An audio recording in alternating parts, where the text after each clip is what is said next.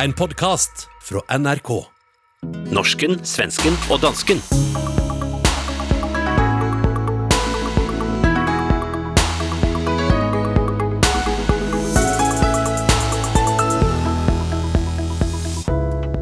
Hvem skubber Fredrik den 5. i sjøen? Er Anders Tegnells helteæra på vej mod sin ende i Sverige? Og hvorfor skifter Erna Solberg navn? Norsken, svensken og dansken ligger henslængt og utmattet på chaiselongen over et år, som stavrer sig halvt og harkete mot slutten. Vi gir oss imidlertid ikke, trods fasanbein på tværk i halsen og årets til nå værste bergensnedbør. Har du kommet dig nå, Hassan Preisler? øh, kommet mig over, over ugen, der er gået. Og fasanbein, som bare pludselig satte sig fast. Nå ja, altså det var en, øh, det var en ret voldsom begivenhed. Jeg havde, øh, jeg havde øh, tilberedt tre fasaner til min datter og min kæreste, og pludselig så sad øh, fasanbenet i min hals. Øh, og, og som ansvarlig forældre, så prøver man jo at lade som ingenting, så jeg ventede til min datter sov, før jeg øh, tog på hospitalet. Øhm, ud på Bispebjerg Hospital, som i øvrigt er blevet ramt af sin egen lille coronapandemi. Der er 46 smittede på hjerteafdelingen ude på det øh, sygehus. Har du holdt dig frisk også? Ja. Jag var frisk, men jag funderar på, danskar har ju gröt i halsen och så, så fick plötsligt Hassan ett fasanben i halsen. Det lät väldigt, väldigt tjockt. Jamen det er, fordi jeg er overklasse dansker, så det kan ikke være grød, det skal være et fasanben. Det, det ska vara fasanben, okej. Okay. Men altså, vi må altså tilbage til den eh, forrige ukes sending, for det har skjedd lidt av hvert etterpå. For vi havde ikke før snakket om, at gipsbysten av Frederik V 5. var stjålet fra Kunstakademi i København og kastet i sjøen, før oplysningen kom om hvem som havde gjort det. Og hvem var det, Hassan? Jamen, det var en institutleder på, øh, på Kunstakademiet, altså en, øh, en underviser, som netop havde undervist i, øh, altså i et fag, hvor programbeskrivelsen i forbløffende grad ligner det statement, som de her øh, anonyme kunstnere kom ud med, efter de havde smidt øh, øh bysten i havnen. Det er jo noget med, at man vil af med den her konge, som er symbolet på hvid maskulin magt og på en, en dansk øh, kolonialistisk og, øhm, og hvad hedder det, slavebaseret fortid. Ikke? Men hvem, hvad, hvad hed hun? Hun hed Katrine Dirken Holmfeldt. Det er meget sjovt, fordi det er, altså oprindeligt er det et hollandsk navn, men det har været øh, øh, brugt i Danmark i mange generationer. Øh, og det er naturligvis ligesom alle andre navne, der lyder på den måde, så er det relateret til netop slavehandel og kolonialisme i, øh, dan- i den danske historie. Ligesom navnet Prejsler i øvrigt også er det. Men vi kan høre her, hvordan øh, institutlederen begrunder stuntet, da hun gæster deadline på DR denne uken. Og det er jo meget vigtigt for mig at pointere, at det her er en kunstnerisk happening, som indskriver sig i en lang tradition af kunstneriske happening. Og at happeningen fandt sted af kærlighed til Danmark, og fordi jeg er dansk, og jeg elsker mit land, og fordi at Danmark har været forgangsland på rigtig mange punkter inden for kunst og arkitektur og design. Og derfor så mener jeg også, at det er vigtigt, at Danmark øh, forholder sig kritisk øh, til sin egen rolle i den transatlantiske slavehandel.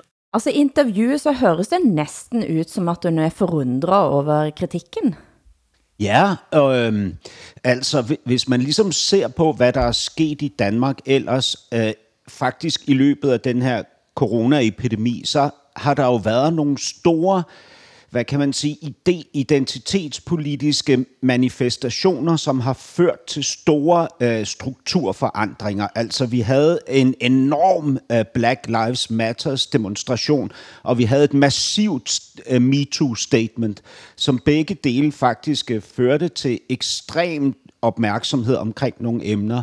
Og jeg forestiller mig, at denne her øh, institutleder, Katrine Dirken Holmfeldt, at hun har troet, at det her netop var tiden til nu at komme med endnu et af de statements, altså øh, via den her happening, som hun kalder det. Øh, vandalisme kalder andre det. Men ja, det virker, øh, og det er du he- helt ret i, øh, Hilde, som om, at, at det kommer bag på hende, at det falder til den side, som det falder. Det- Hvad er din reaktion øh, også, når du hører øh, institutlederen her snakke? Som men jeg tidligere tænker- kulturredaktør. Jag tänker att det är, en, det är en mardröm för den, här, eh, för den här kvinnan, som jag inte kan lära mig namnet på eftersom hon är danska då. Men eh, hon får feeling liksom. Och sen så missbedömer hon situationen alldeles fullständigt och har nu förlorat sitt arbete och sådär på, på det här. Och eh, det är naturligtvis helt rätt att hon ska bli av med jobbet, tycker jag. Eh, men eh, jag tänker också att det är så annorlunda mot i Sverige. Sverige är ju liksom identitetspolitikens bastion i Norden. Eh, och ändå så har vi inte haft någonting liknande här att man, att man förstör en, ett konstverk eh, i den goda sakens namn. Man försökte ge sig på Carl von Linné eh, under metoo, eller under Black Lives Matter och det, det liksom väckte så mycket reaktioner. Men det som också för, eh, förvånar mig så mycket, det är att hon, att hon intygar i tv att hon, eh, och radio att hon älskar sitt land. Så hade man inte heller försvarat sig i Sverige om man hade gjort något liknande. Det er veldig sjelden man hører en svenske sige, jeg elsker mitt land. Nej, det händer inte. Om man inte, om man inte tillhör den där äh, suspekta. Men, Men, men hvorfor vi på siger hun det? Ja, hvorfor siger hun det, tror du, Hassan? Nå, men det, det tror jeg egentlig er, altså det, det er, det er meget normalt. Det, det vil jeg også gøre. Altså hvis jeg ligesom skulle begrunde min handling, og, og handlingen øh, var blevet problematiseret, så vil jeg sige, at jeg gør det af kærlighed til den store sammenhæng, som vi kalder Danmark. Ikke? Hvad der ikke er almindeligt, det er, hvad der foregår inde på det kongelige danske øh, kunstakademi. Altså, det fremstår, nu har jeg jo ikke været derinde, og jeg kender ikke nogen, der er inden for de her mure, men, men altså, set udefra, så virker det som om, at det, at det er ved at slå fuldstændig klik for institutionen. Ikke? Altså, der er kæmpe konflikt mellem en gruppe meget, meget identitetspolitiske studerende, øh, et professorat, som prøver at fastholde øh, nogle traditioner, nogle strukturer, og så en leder, som øh, fremstår som om hun ikke aner, hvordan hun skal styre den her organisation. Ikke? Øh, og, og jeg forstår det sådan set godt, fordi det må være meget, meget svært at stå der øh, inde ikke? med et ben nede hos de studerende, som ligesom øh, er ekstremt aktivistiske, ikke? og så et andet ben i den virkelighed, der omgår hende, som jo er et samfund og professoratet og, og hvad hedder det, øh, det den politiske virkelighed og sådan. Men eh, hon måste väl ha, tror jag, tror jag, tänkt att hon har haft stöd av i alla fall några kollegor på samma nivå, eller alltså i, i kollegiet. Ja, ja, Det måste ju ha funnits andra krafter där också. Jag tänker de får nog ta ett, ett ganska stort take på den där uh, konsthögskolan och göra något. Ja, altså det må hun jo have tænkt, Åsa, det er du fuldstændig ret i, men det, der, det vi ikke ved, det er, om, om det er sådan, fordi hver gang der er nogen, der udtaler sig fra Kunstakademiet, om det er elever, øh, lærere eller professorer, så udtaler de sig anonymt. Ikke? Og når man har en institution, hvorfra der kun kommer anonyme statements, så tænker man, hvad er der galt herinde? Og min, min mistanke er altid, at institutionen er inficeret af frygt. Vi sørger sidste uke over eh, Michael Bondesens død med at synge hans og Sjøbeduas folkekære sang Danmark. Men like efter så blev det kendt at den er nå smitt ut av højskolesangboken. Men først Hassan, du må faktisk forklare, hvad slags stilling denne boken har i Danmark. Øh, jamen altså, det er jo en bog, øh, en højskolesangbog, som er produceret øh, for højskolerne, som, som man ligesom har et, et fælles fundament at synge ud fra. Øh, og den, øh, den opstod i, guld, i guldalderen, som så andet, meget andet godt i Danmark gjorde. Det er slutten av 1800-tallet, rett og slett. 1894. Ja, nemlig. Og den har været, ja, hvad kan man sige? Jamen, altså, en, en tro følgesvend for os alle sammen, ikke? Den er, øh, den er noget, vi diskuterer hver gang, den bliver øh, reformeret, ikke? Jeg har både grædt og grinet og, hvad hedder det, altså følt et, et stort og dybt tilhørsforhold til danskheden og... Øh, og så videre med denne her bog i hånden, ikke? når jeg har besøgt højskoler, eller bare øh, kigget i den. Jeg har den også herhjemme på min øh, bogreol. Nu er han altså revideret, og hvad var det, som kom ind i stedet? Jamen, der kom jo øh, en øh, ramadan-sang, som er skrevet af Isam B., en dansk øh, musiker og rapper, øh, som øh, på et tidspunkt havde et band, der hed Outlandish, som var sådan meget populært. Han er så gået øh, solo siden og har lavet øh, forskellige ting, blandt andet den her ramadan-sang. Øh, han har også, øh, den her øh, musiker, har været i politisk modvind for nogle... Øh, altså nogle statements, han angiveligt er kommet med. For eksempel, at han for 12 år siden ikke ville optræde på live tv, fordi der var en øh, kvinde på scenen sammen med ham med øh, afdækkede skuldre. Ikke? Øh, så, så der er jo sådan et, et narrativ i hvert fald om, at han også er en ret religiøs muslim. Vi kan høre her fra sangen fra da Isam B. fremførte den under Kulturnatten på DR i fjor. Ordene søger trøst, Lys på lys, taknemmelighed i hans navn,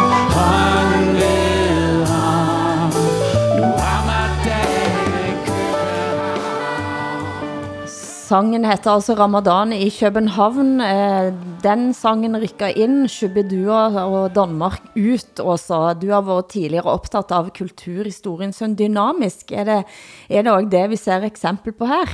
Ja, det är klart att, att vi gör det. Det bor ju ändå 250 miljoner muslimer i Danmark. Jag är inte så upprörd 250 över... miljoner? Nej! 250 000! Gud vad rädda de blev i Danmark när jag sa det där och tänkte, åh det stämmer säkert.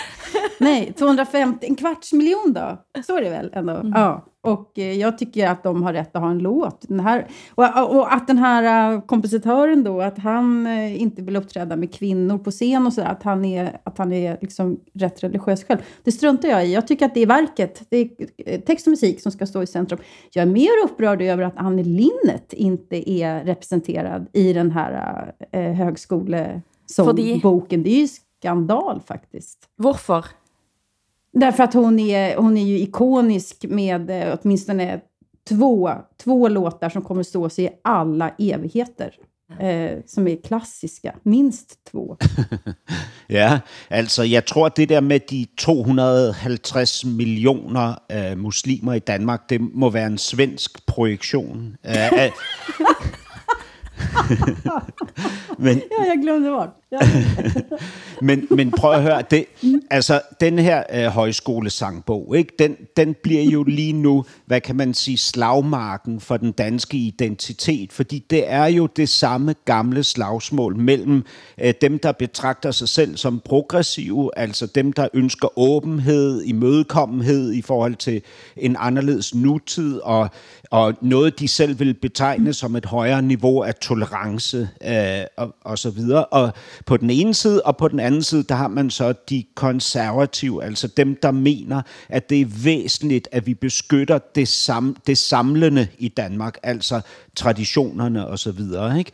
Og man kan jo sige, med, med lige præcis den danske højskolebevægelse, ikke, så er den jo en meget politisk bevægelse, fordi den er ligesom den eneste nutidige tentakel, vi har, øh, som er som peger direkte fra kulturradikalismen og ind i vores allesammens øh, fællesskab. Ikke? Men, øhm, men sådana här strider måste man ju ha, tycker jag. Jag tycker inte att det är så farligt om, man, om, man, nej, om, man, men, om, de, här, om de här striderna dessutom utkämpar sig med anledning av en, av en sångbok så tycker jag att det är en ganska bra arena att öva sig på att diskutera just sådana här saker. Yeah. Istället för att, att, att det blir liksom i form av attentat eller någonting ja, sånt. Men det... det här är ju en, en dialog, det är en process. Men jag tycker om man, om man tar det sammantaget så tycker jag naturligtvis att det, det är lite trist att man att man lägger in en sång om Ramadan, men tar bort vår favoritlåt här i podden, Shibiduas låt Danmark, som ju är en satir över nationalismen. Men det fattar inte alla nu för tiden, så den åker ut. Det klart, då blir det ju, det, det sammantaget blir ju tråkigt. Men det är klart att,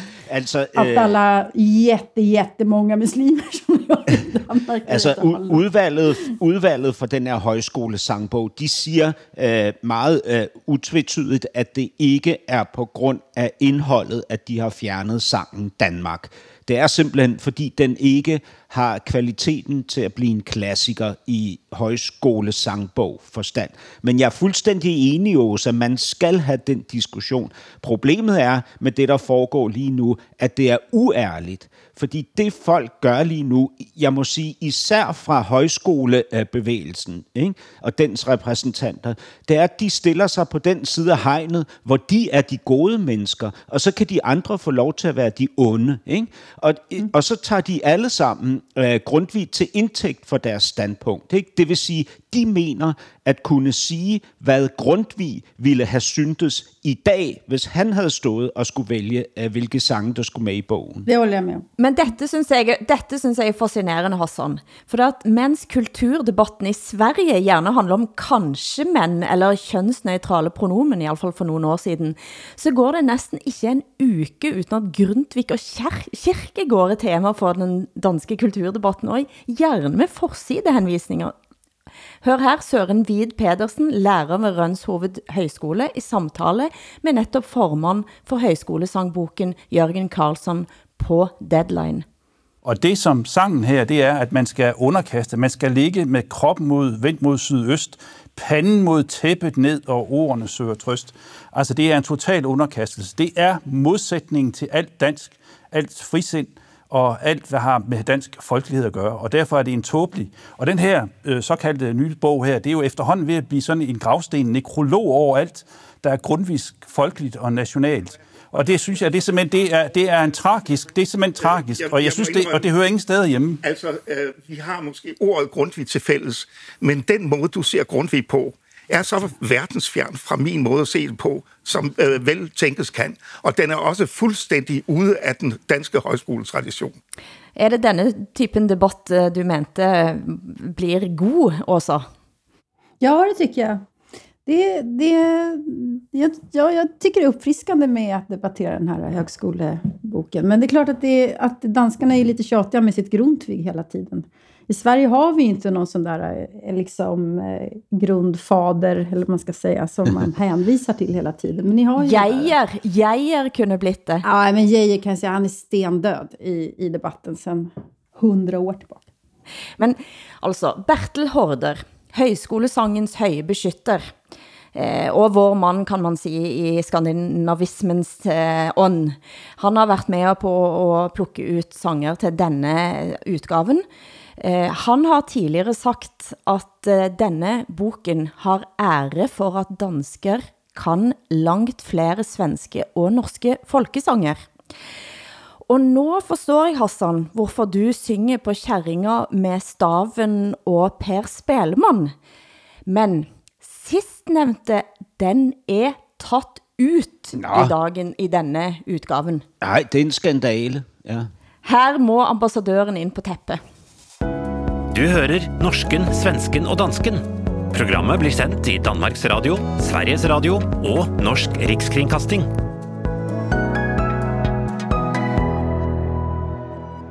Danmarks Radio har under hösten gjort en rad avslöjanden om hur danska militära underrättelsetjänsten FE fått hjälp av amerikanska NSA att bygga ett datacenter på Amager allt för att upprätta ett topphemligt spionsystem som möjliggjort för NSA att göra massinsamlingar av data om bland annat danskar. Nu kan Danmarks Radio avslöja att den danska underrättelsetjänsten gett NSA tillgång till danska internetfiberkablar för att också spionera på försvarskoncernen Saab och deras militärplan JAS Gripen. Det är ju ett av de mest känsliga projekten vi har i svensk försvarsindustri. Eh, så att all form av informationsinhämtning som, som riktas dolt mot det eh, är ju någonting som man måste tänka allvarligt kring. Til slut her hørte vi statsviter ved Lund Universitet, Tone Ingesson, i en reportage fra SVT om skandalen i det danske etterretningsbyrået FE, som nå altså har fått en svensk tvist. Dansken har altså hjulpet USA til at drive spionage mot svenske interesser. Hvordan tas dette mot i Sverige også? Ja, grejen är att det är ingen skandal i Sverige. Det är det som är så konstigt. Vi har ju knappt pratat om denna helt otroliga, eh, detta otroliga avslöjande som, som eh, danska journalister har gjort. Det är helt enkelt för att vi är i stort sett ett NATO-land redan. Vi identifierar oss som det. Vi ifrågasätter inte det här överhuvudtaget. Eh, enda liksom kritiska frågorna som jag har sett kring det här, det är att man ifrågasätter att, att de danska journalisterna har rätt. Eh, att det här är kanske, det kanske inte alls är så här som de påstår. Och finns det verkligen belägg och bevis och så? Det, det är det enda jag tycker att jag har sett i alla fall. Men det här borde vara en, en stor, stor sak. Men det är inte det. Mm. Det var en dansk whistleblower som skulle til for at få denne historien ut, og hvordan følges eh, sakene op, Hassan? Altså det nye i sagen er jo, at Sverige, øh, at vores nabolande ligesom også har været offer for den spionage, som NSA har foretaget via de kabler, som ligger her i Danmark, og med Forsvarets efterretningstjenestes vidne. Ikke? Men der er, jo også blevet, der er jo også blevet spioneret mod to danske ministre og mod en dansk... Øh, øh producent, som, øh, som bidrager til øh, udviklingen af, af jetjægerfly, ikke? Altså blandt andet de jetjægerfly, som Danmark endte med at købe, da vi for ikke så længe siden skulle indgå en stor handel med øh, USA, ikke? Øhm, Alltså det, det ju... Sverige skulle kunna bli ockuperat av NATO utan att vi skulle märka det, tror jag. Ja. Vi skulle inte säga någonting. Men, Nej. Det, det, är faktiskt det är en skandal i skandalen tycker jag, att det här, man inte pratar om det här i Sverige överhuvudtaget. Mm. Nej, för alltså, hvis, hvis Åsa har rätt i att detta blir överhuvud inte diskuterat i Sverige, eh, hvordan blir, är diskussionen i Danmark? Är man mer opphisset over den informationen i Danmark, end man faktisk er i Sverige? Jamen altså, det er jo ikke, man er jo ikke ophidset på den måde, man ville være, hvis det havde været Rusland eller Kina, der gjorde det samme. Det er helt ja, det sikkert. Det er der jo ingen tvivl om. Men øh, der er jo en fornemmelse af, at der er blevet begået et tillidsbrud. Ikke? Altså man har en samarbejdspartner, som man faktisk øh, leverer meget afgørende informationer til, og den samarbejdspartner øh, misbruger så tilliden til at øh, faktisk spionere mod en selv. Det er jo klart, det føles jo ikke øh, super godt. Men jag är säker på, om man vänder på det, så har säkert Sverige motsvarande samarbete med NSA och, och hjälper dem att spionera på, på andra också. Så jag tror att det är en enda kuckenmudding alltihopa och eh, vi bryr oss inte i Sverige. Men når vi først er inde på USA, nu er Obamas længe ventede biografi ute. Og her får både den ene og den andre nationen passe på skrevet. Er det nogen danske politikere, som har gjort indtryk på Obama, Hassan? ja, Nå, men det er jo fantastisk med den her biografi. Øhm, og det, der jo skete, det var, at øh, Obama kom her til at møde øh, vores statsminister Lars Løkke Rasmussen i forbindelse med øh, COP15-møde i København, og der så han altså en Lars Løkke, som han beskriver som øh, komplet forvirret, altså med desperate, øh, prikkende øjne og et, øh, et hår, der strittede ud til alle sider. Ikke? Og det var jo netop under den her COP15-konference, at øh, Lars Løkke fuldstændig mistede grebet omkring øh, de her klimaaftaler, man havde håbet på ville ind, øh, blive indgået. Ikke? Øh, men, men det var ikke kun aftalerne, altså det var også selve konferencen, han som mødeleder mistede grebet omkring. Øh, han kom til at afslutte et møde for tidligt ved at, ved at slå med sin hammer, og så var der nogen, der kom med indsigelse, og han måtte så foran øh, det her kæmpe panel af, af globale øh, øh, superaktører undskylde og sige, øh, I'm sorry, I'm sorry that I banged too early on the table. Ikke? Altså på sit ubehjælpelige engelsk måtte han ligesom øh, forklare, at han havde begået en fejl, øh, og det kom så til at lyde, som om han havde haft sex på sit øh, mødebord foran alle tilhørende. Men vi i Skandinavia, vi tror jo at vi er veldig gode i engelsk, og jeg kom til at tænke på andre politikere, som har slidt med uttalen. Den svenske landbruksministeren Sven Erik Bucht fik i sin tid kurs for 400 000 svenske kroner for at skærpe engelsken. Det er ikke så let at høre i dette intervjuet i forbindelse med et andet klimatoppmøte i 2017. We have the Paris uh, uh, when we took uh, by avtal Paris agreement. agreement. So we have to discuss how we go now forwards with that. And how will you do that? Uh, many, many, uh, many, uh, många sätt. Different ways. Different way, yes. Such as? Men det, det er jo noe litt eh, skammelig at vi ler av dette også, altså at man eh, på mange måter forventer at politikere eh, skal være fluent. Jag, jag lider med eh, ministern här. Jag tycker det är så hemskt eh, när man blir hånad för sin engelska. Jag är själv väldigt blyg att prata engelska. Det finns något lite klassförakt i det här också på något sätt. Gör det. Samtidigt så man kan bli lite förvånad att, att idag få en sån där topppost utan att behärska engelska bättre, det är klart. Men, men det skär i mig faktiskt, när man skrattar åt det också. Dere har også haft eh, någon minister eh, har Hassan, som har slitt lite med uttalen i tillägg till Løkke.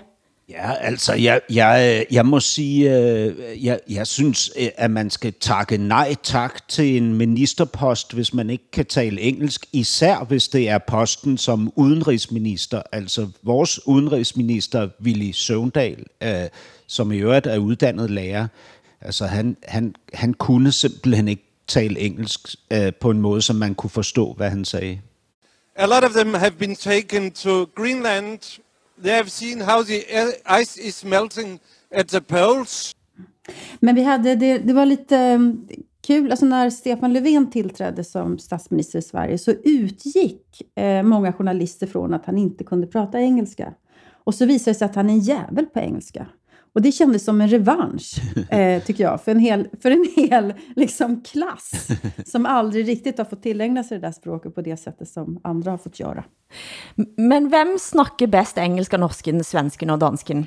Jeg har en liten quiz til dere, som er lånt fra spørreprogrammet Brille på... Du, jag pratar bättre danska, jag pratar engelska. Jeg har i alle fall en quiz her, som er lånt fra spørreprogrammet Brille på TV Norge. Hør her.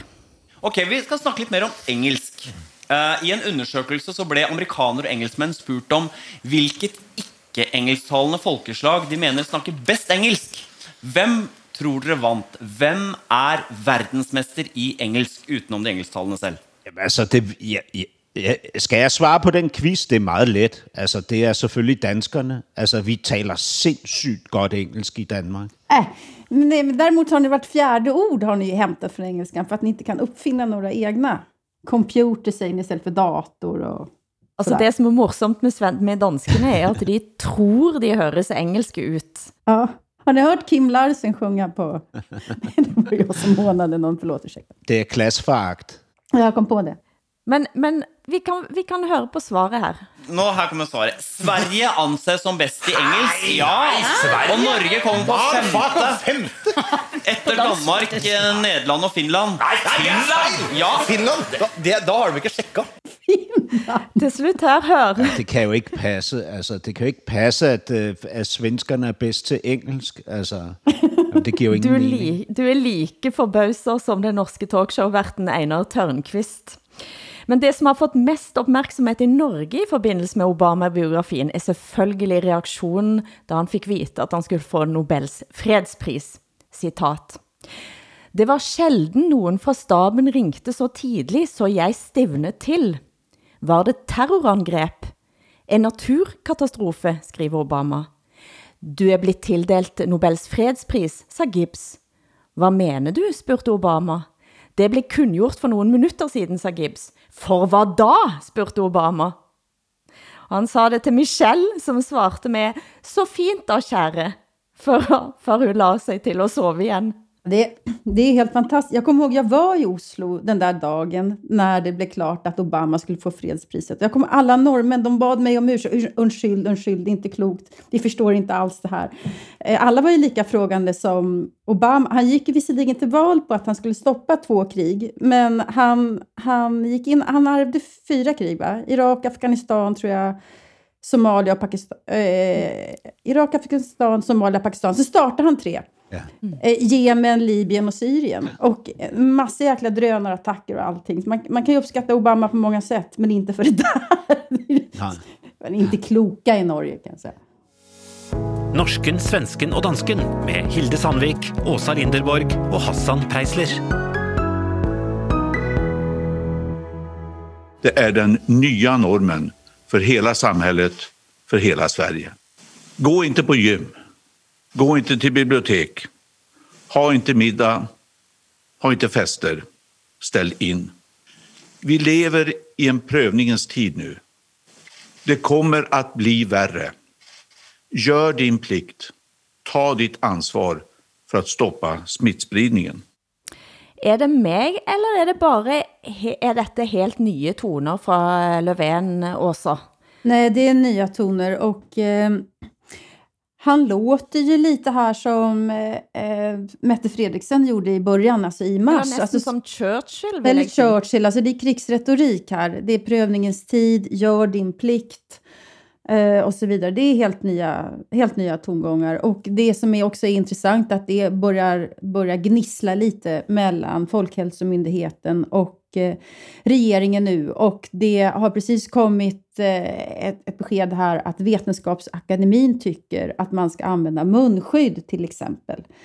Eh, Så att här ser man ju då att, att experter eh, går emot andra experter och att, att regeringen liksom börjar fundera över hur de ska hantera det här. Mm. Jag bara väntar på att eh, eh, oppositionen ska börja bära munskydd nu som, en, som ett statement mot regeringen. och sådär. Det tror jag kommer att hända.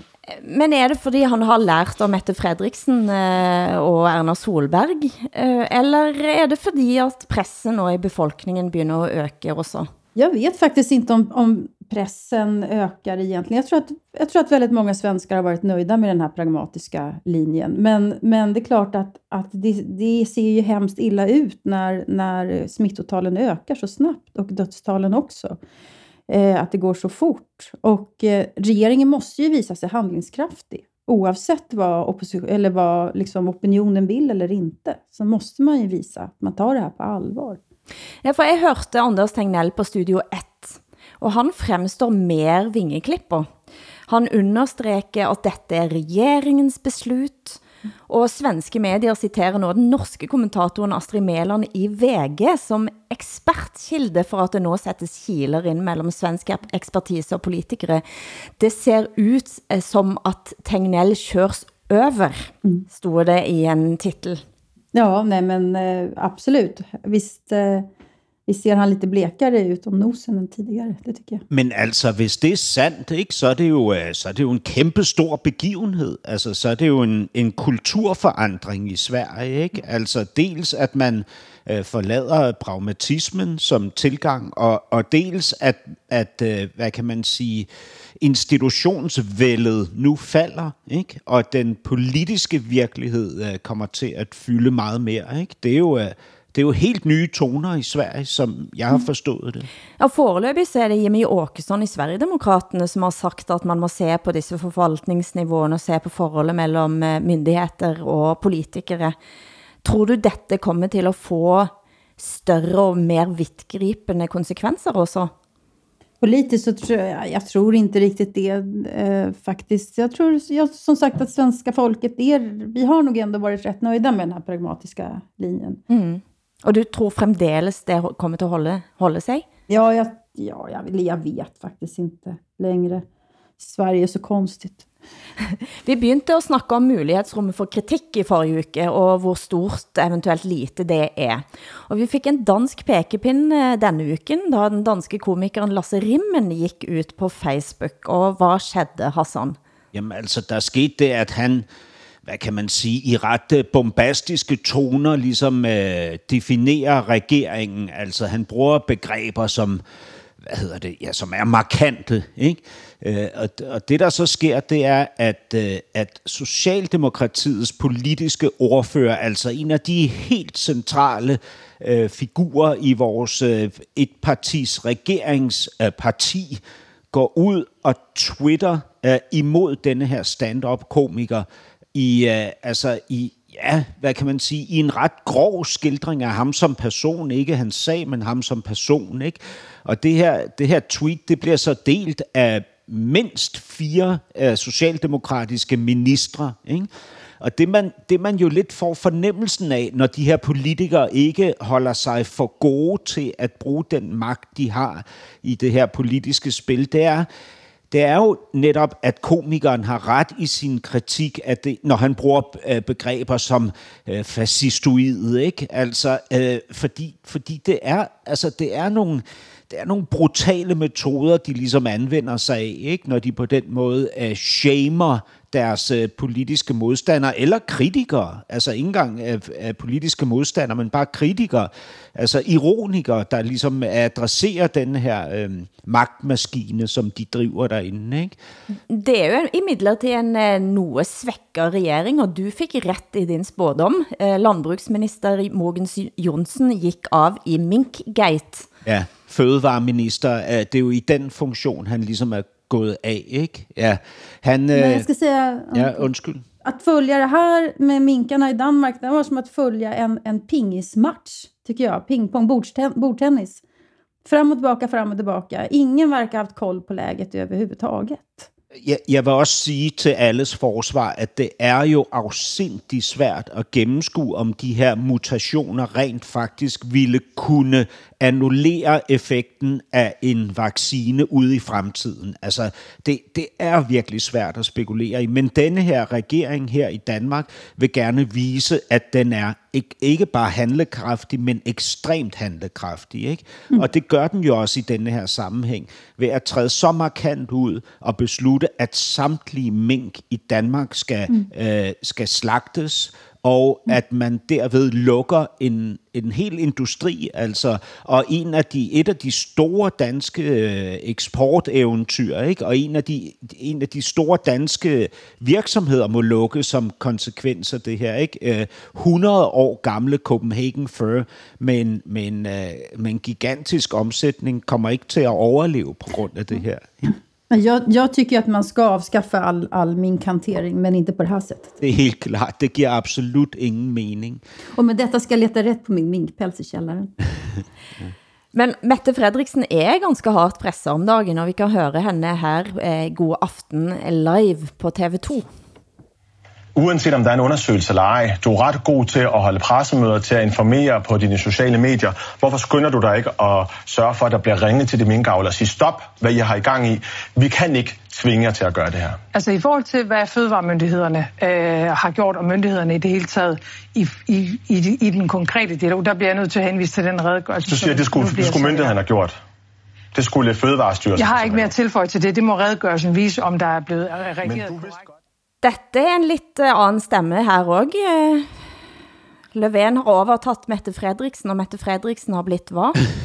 Ja, det kunne man sige. Altså, jamen, øhm, Mette Frederiksen skyndte, jeg, skyndte sig jo ud på sådan en, øh, hvad hedder det, charmetur, som hun ofte gør, hvor hun besøger øh, de bløde sofaers medier, altså øh, de her go-aften-shows, vi har i Danmark, ikke? hvor der normalt ikke stilles kritiske spørgsmål. Ikke? Så jeg tror, jeg tænker, det må have været en stor overraskelse for hende at blive mødt øh, i to programmer af, af så meget øh, af, af, af journalister, der rent faktisk udfordrede hende i de her programmer. Ikke? Det er hun jo ikke vant til. Men jag tycker det är så intressant att, att, följa Mette Fredriksen. Vi, det finns ingen vi har pratat så mycket om i vår podd eh, som Mette Fredriksen. Och för bara några månader sedan så pratade vi om henne som en, liksom nästan nordkoreanska proportioner. Hon stod så stadigt. Och, och eh, nu så har hon drabbats av först metoo och sen av minkarna. Och man ser ju hur liksom hela, hela hennes väsen och uppenbarelse liksom har förändrats. Och hur journalister ändrar sig också. Går blixtsnabbt ser man. Och det kan lova, det finns inga barnkörer som skulle, skulle stå och sjunga nu i public service som man gjorde för bara några månader sedan. Det är ju otroligt intressant att se. Jag läste en intressant analys av Erna Solberg sin strategi i Nationen här i helgen.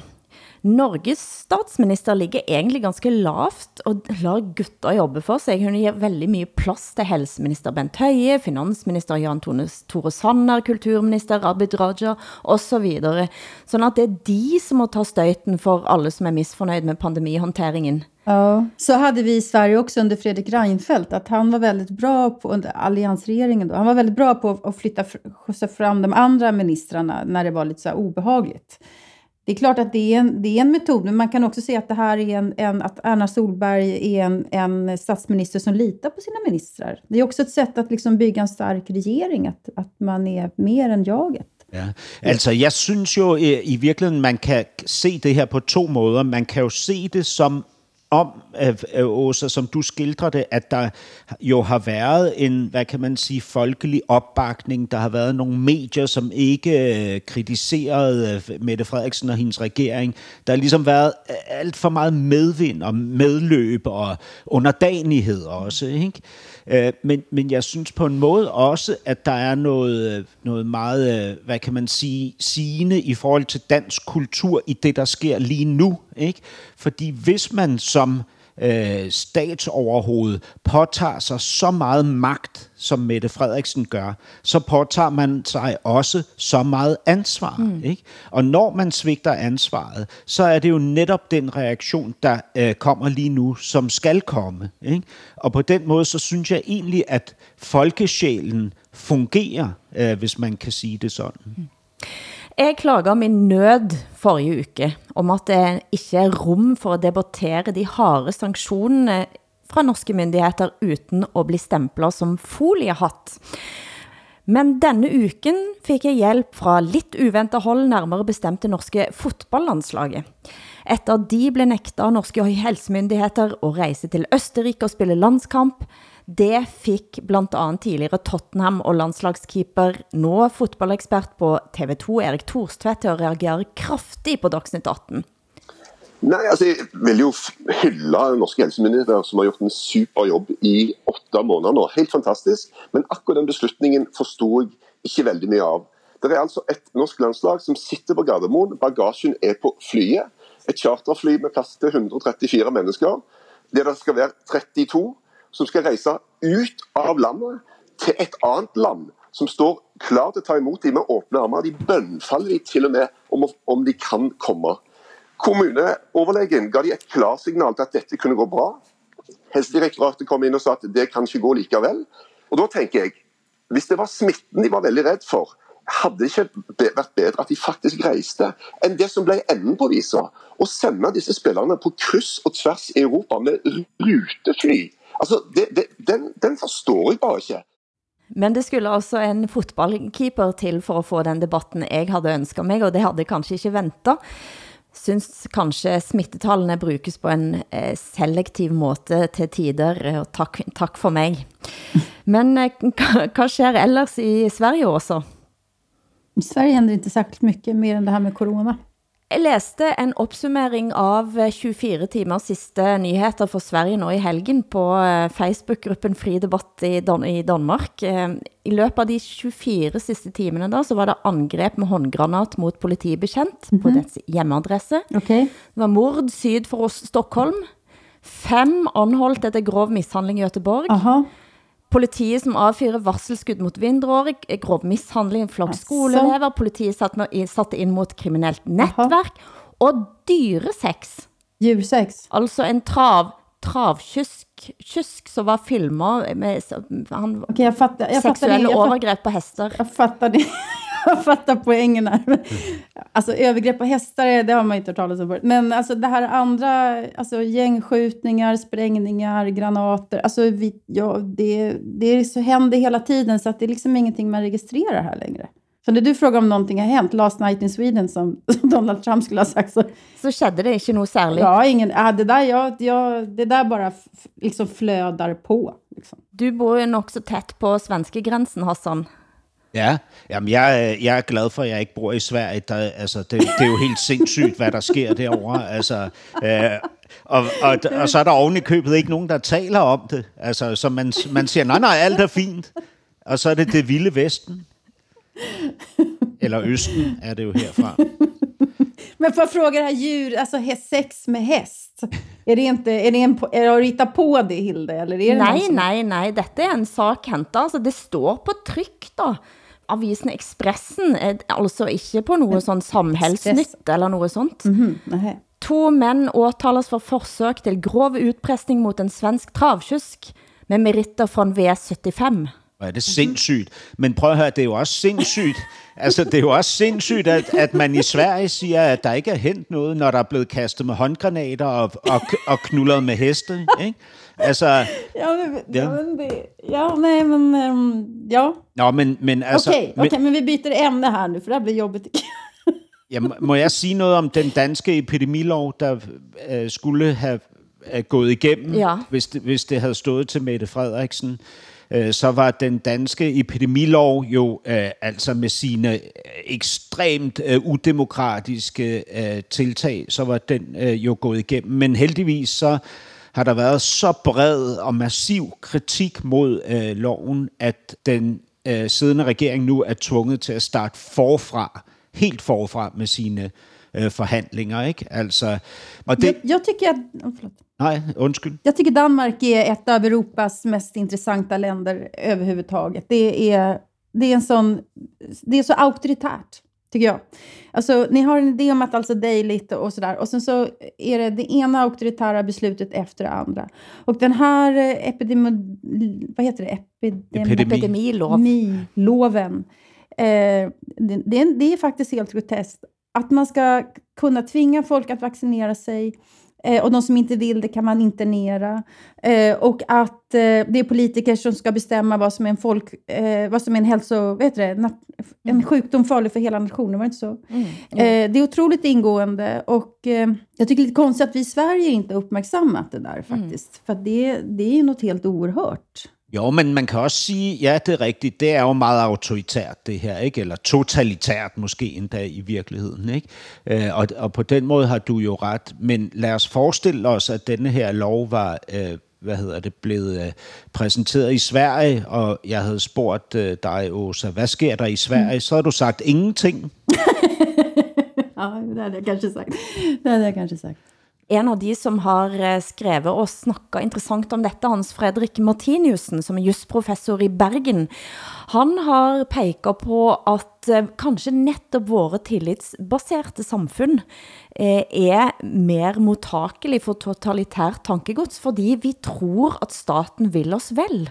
Mm. Sådan set så må jeg sige, Hassan, at jeg bliver glad, når du siger nå, at debatten faktisk har ført til, at man begynte, må, måtte begynde på nytt. For det viser, at vi har kanskje netop en eh, modstandskraft, som i hvert fall ikke nå må svækkes i en krisetid. Ja, altså, og der er jo forskel på tillid, øh, endda stor tillid, og så blind tillid. Ikke? Og jeg, jeg tror egentlig ikke, at man har blind tillid til staten. Altså, jeg, jeg tror, at man i den danske øh, Øh, folkesjæl har en stor forståelse for, at magten korrumperer. Ikke?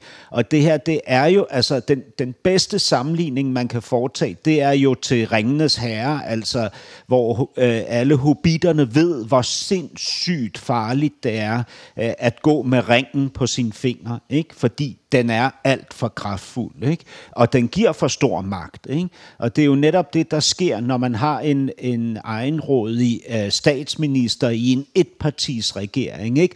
under en krise, som den her pandemi er, at den der ring på den der finger giver alt for stor magtfornemmelse, ikke? som så igen giver alt for stor øh, selvtilfredshed. Du hører norsken, svensken og dansken i SR, DR og NRK.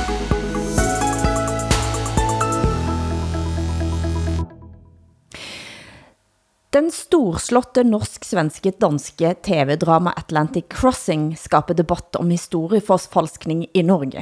Serien er et storslått og påkostet krigsdrama med svenske Sofia Helin i hovedrollen som daværende kronprinsesse Märtha og hennes nære forhold til USA's president Roosevelt under krigen.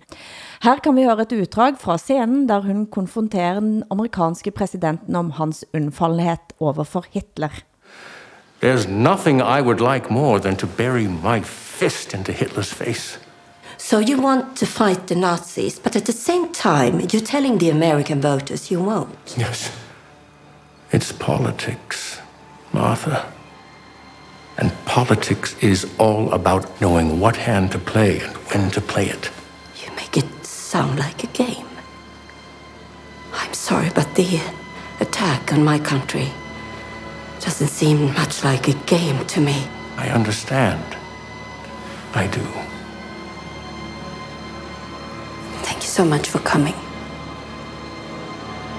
Mr. President, your car is ready for you. At en norsk kronprinsesse var avgjørende er selvsagt tøv, skriver Tom Christiansen, professor i historie og forfatter og biograf Tore Rem i kronikk i Aftenposten. Og Tor Boman Larsen, som har skrevet bindstærkt om den norske kongefamilien, har reageret kraftigt på historieforfalskning, og nå kommer faktisk kravet om at NRK skal komme med et dementi.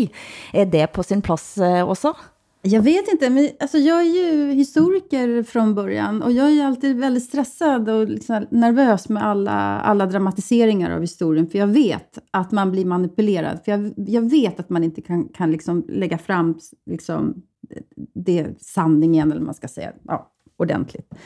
Eh, samtidigt så, så tycker jag ju att man har den rätten som dramaförfattare eller författare eller vad som helst, att, att göra om det förflutna som man vill. Men då får man också vara tydlig med att det är det man har gjort. Då får man säga det, att nu har vi lagat lite här, hittat på lite, fantiserat lite. Eh, och i Norge gör vi det därför att vi är sådana enorma nationalister, även om vi inte riktigt vill liksom, erkänna att vi är det. Så framförallt filmindustrin ska ju användas för att, att eh, stärka den norska identiteten. Det är till och med uttalat, tror jag.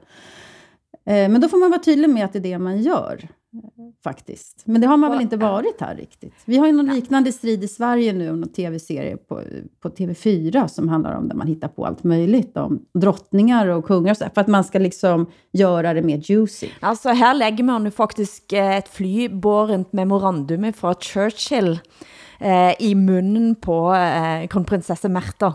Ja, det är grovt faktiskt. Alltså, det är ju ni inte kloka där. Eller hvad siger du, Hassan?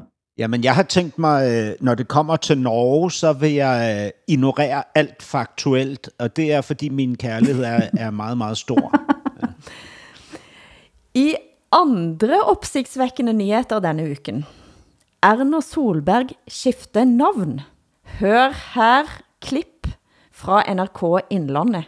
Det værste var jo jeg som skulle drepe meg, da. Hun skulle skyte meg.